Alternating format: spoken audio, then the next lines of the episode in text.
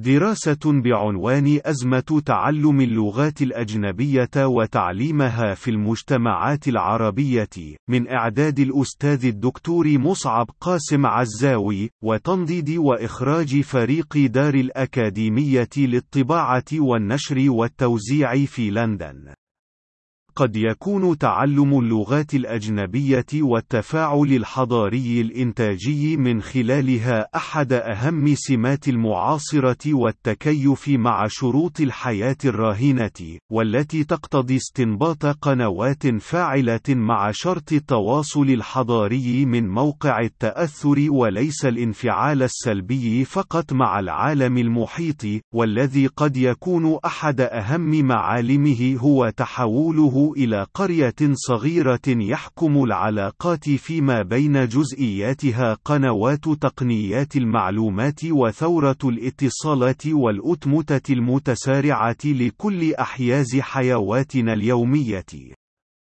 وفي خضم تلك الضرورة قد يكون تعلم اللغات الأجنبية أحد أهم الأولويات الضرورية للقيام بتلك المهمة السالفة الذكر، مع التأكيد على جوهرية توجيه تلك الأولوية من خلال التجذر النوعي لتلك المهمة انطلاقا من حاجات المجتمع والفرد الذي يعيش في ذلك المجتمع استنادا إلى أن المعرفة بأشكالها أنواعها المختلفة ومن ضمنها اللغات الأجنبية كائن عضوي يشترط ارتباطه بهدف معرفي إبداعي ذي طابع إنساني اجتماعي، وإلا غدا تهويمات معرفية تدور في فلك التزويق الشكلي أو الترف البرجوازي الصغير دون مدلول إنتاجي لها على أرض الواقع بالنسبة للمجتمع والإنسان على حد سواء. النزعة الانسحاقية في تعلم اللغات الأجنبية. إن تبصرا فيما يجري من سعي محموم لتعلم اللغات الأجنبية، والذي غالبا يتم من خلال المدخل الأكثر شيوعا والمتمثل في الدورات الدراسية المحمومة والمكثفة والتي تستنزف القدرات المادية للشرائح الشعبية البسيطة المهتمة بتعلم اللغات الأجنبية، يبدي الكثير من عناصر الفوات التي يمكن إجمالها بالمحورين التاليين أولاً التعليم السطحي والذي يركز على مواضيع حياتية محضة قد لا يستفيد ولا يحتاجها المتعلم طيلة حياته، والتي لا ضير منها إن كانت تعطى وفقا لصيغة قواعدية سليمة تمهد لاتساع قدرة المتعلم على فهم اللغة بشكل مضطرد، ولكن الطامة الكبرى تكمن في تلك النزعة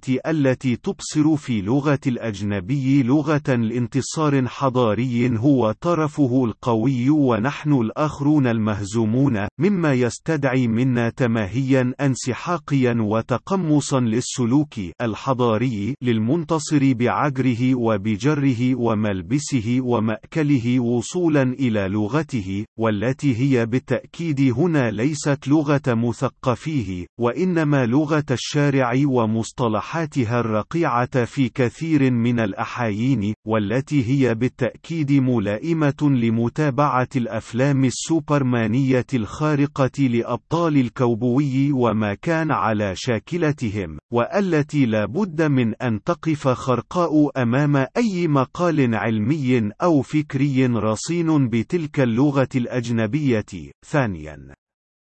فن الثرثرة والمتمثل في تلك الموضة الجديدة والتي تعتمد تعلم اللغة الأجنبية عبر استحفاظ جملة من العبارات والجمل كقوالب جاهزة يتم استعمالها بشكل أصم دون تحليل قواعد لأصول تكوينها، وهو الواقع البائس الذي يفصح عن نفسه بالاستخدام المتزايد والمخزي للمفردات الأجنبية حتى أصبح رهط يعتد به من جيل الشباب فاقدا لمفردات عفوا حسنا وشكرا من لغته اليومية ومستبدلا إياها بتلك الموجودة في اللغة الأجنبية بطريقة توحي بخطورة تغير في سلوك ووعي الجيل الذي يناط به الحفاظ على وجود مجتمعه وقدرته على إعادة إنتاج ذاته حضاريا وإنتاجيا وإن نظرة متفحصة للتكون الأولي لذلك الإخفاق في تعليم اللغات الأجنبية ومعاوضاته بتلك النزعة المحمومة للدورات الدراسية التي ذكرناها آنفا تنقلنا إلى أن المسببات تتوزع عمقا وسطحا فيما آلت إليه مجتمعاتنا وطموحها النهضوي الموؤود ولكن هناك جملة أسباب هي الأكثر التصاقا بصيرورة تلك الظاهرة والتي قد يكون على رأس قائمتها حقيقة إخفاق حاضنة التكوين التعليم الذي يمتد على فترة زمنية تشمل التعليم الابتدائي والثانوي وصولا إلى مرحلة التعليم الجامعي ويفصح ذلك الإخفاق عن نفسه بمحورين كبيرين ألف إخفاق المناهج المحدثة والمطورة لتعليم اللغات الأجنبية في المجتمعات العربية، والتي انساقت في ركاب العولمة وأزمة الانسحاقية الحضارية والمعرفية التي عرجنا عليها آنفًا، فأصبحت مفرغة من المحتوى الضروري للتعلم المتدرج للغة وبمنهج قواعدي تحليلي، وانزلقت إلى تعلم مسطح واستذكار لبعض العبارات وأساليب الكلام المبسط والسطحي في كثير من الأحيان، باء انخفاض مستوى التأهيل الحقيقي لدى الكثير من معلمي اللغة الأجنبية كإنعكاس مباشر لتقهقر حال الجامعات العربية الذي تحول في سياق تنكس المجتمعات العربية في ظل غلان الاستبداد والفساد والإفساد. الإفساد إلى محض مدارس ثانوية عملاقة، بالتوازي مع انخفاض المردود المادي الضروري للمدرس للبقاء على قيد الحياة مما يجعله مضطرا للخضوع إلى التراخي في أداء واجبه في التعليم المدرسي الأساسي، والاتكاء على الدروس الخصوصية لما تدره من دخل مادي إضافي عليه، والتي أقل ما يقال عنها هو أنها تجارية آنية يصعب لأن تكون مقدمة لتأسيس معرفي حقيقي عند الطالب، ولا بد في هذا السياق من أن نشير إلى جملة من الأطروحات التي قد تمثل رؤية جنينية للمعارج التي لا بد من السير فيها لتسوية العوار في مسألة تعليم وتعلم اللغات الأجنبية في المجتمعات العربية، وهي المعارج التي قد يستقيم المجادلة بمحوريتها النظرية وأهمية مفاعليها التطبيقية في حال السعي في نهجها، ومنها.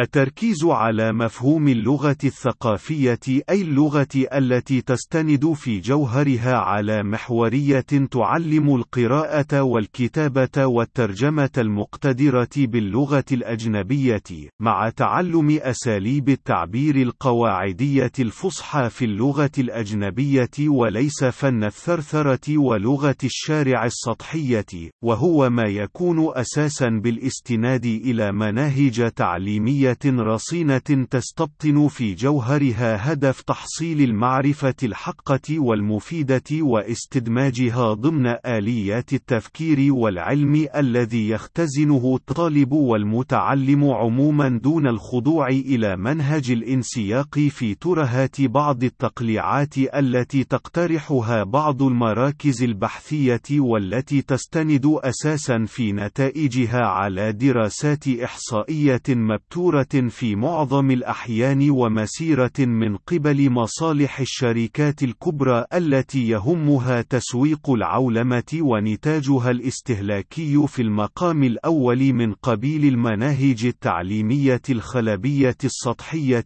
التي تسوقها شركة شل النفطية العابرة للقارات لطلاب المدرسة الابتدائية في جل أرجاء الأراضين وتم تبنيها في غير موضع من الجغرافيا العربية تشجيع عملية الترجمة والتوطين الحضاري للمعرفة والتوثيق الإلكتروني للمشاريع المترجمة مع نشر جزء منها باللغة الأصل حيث يمكن للقارئ العربي الاطلاع والمقارنة مما يجعله أكثر ثقة بقدرة لغته على تأمين التواصل الحضاري الضروري مع العالم ويحفز عملية تضافر التعلم المعرفي واللغوي في آن معا.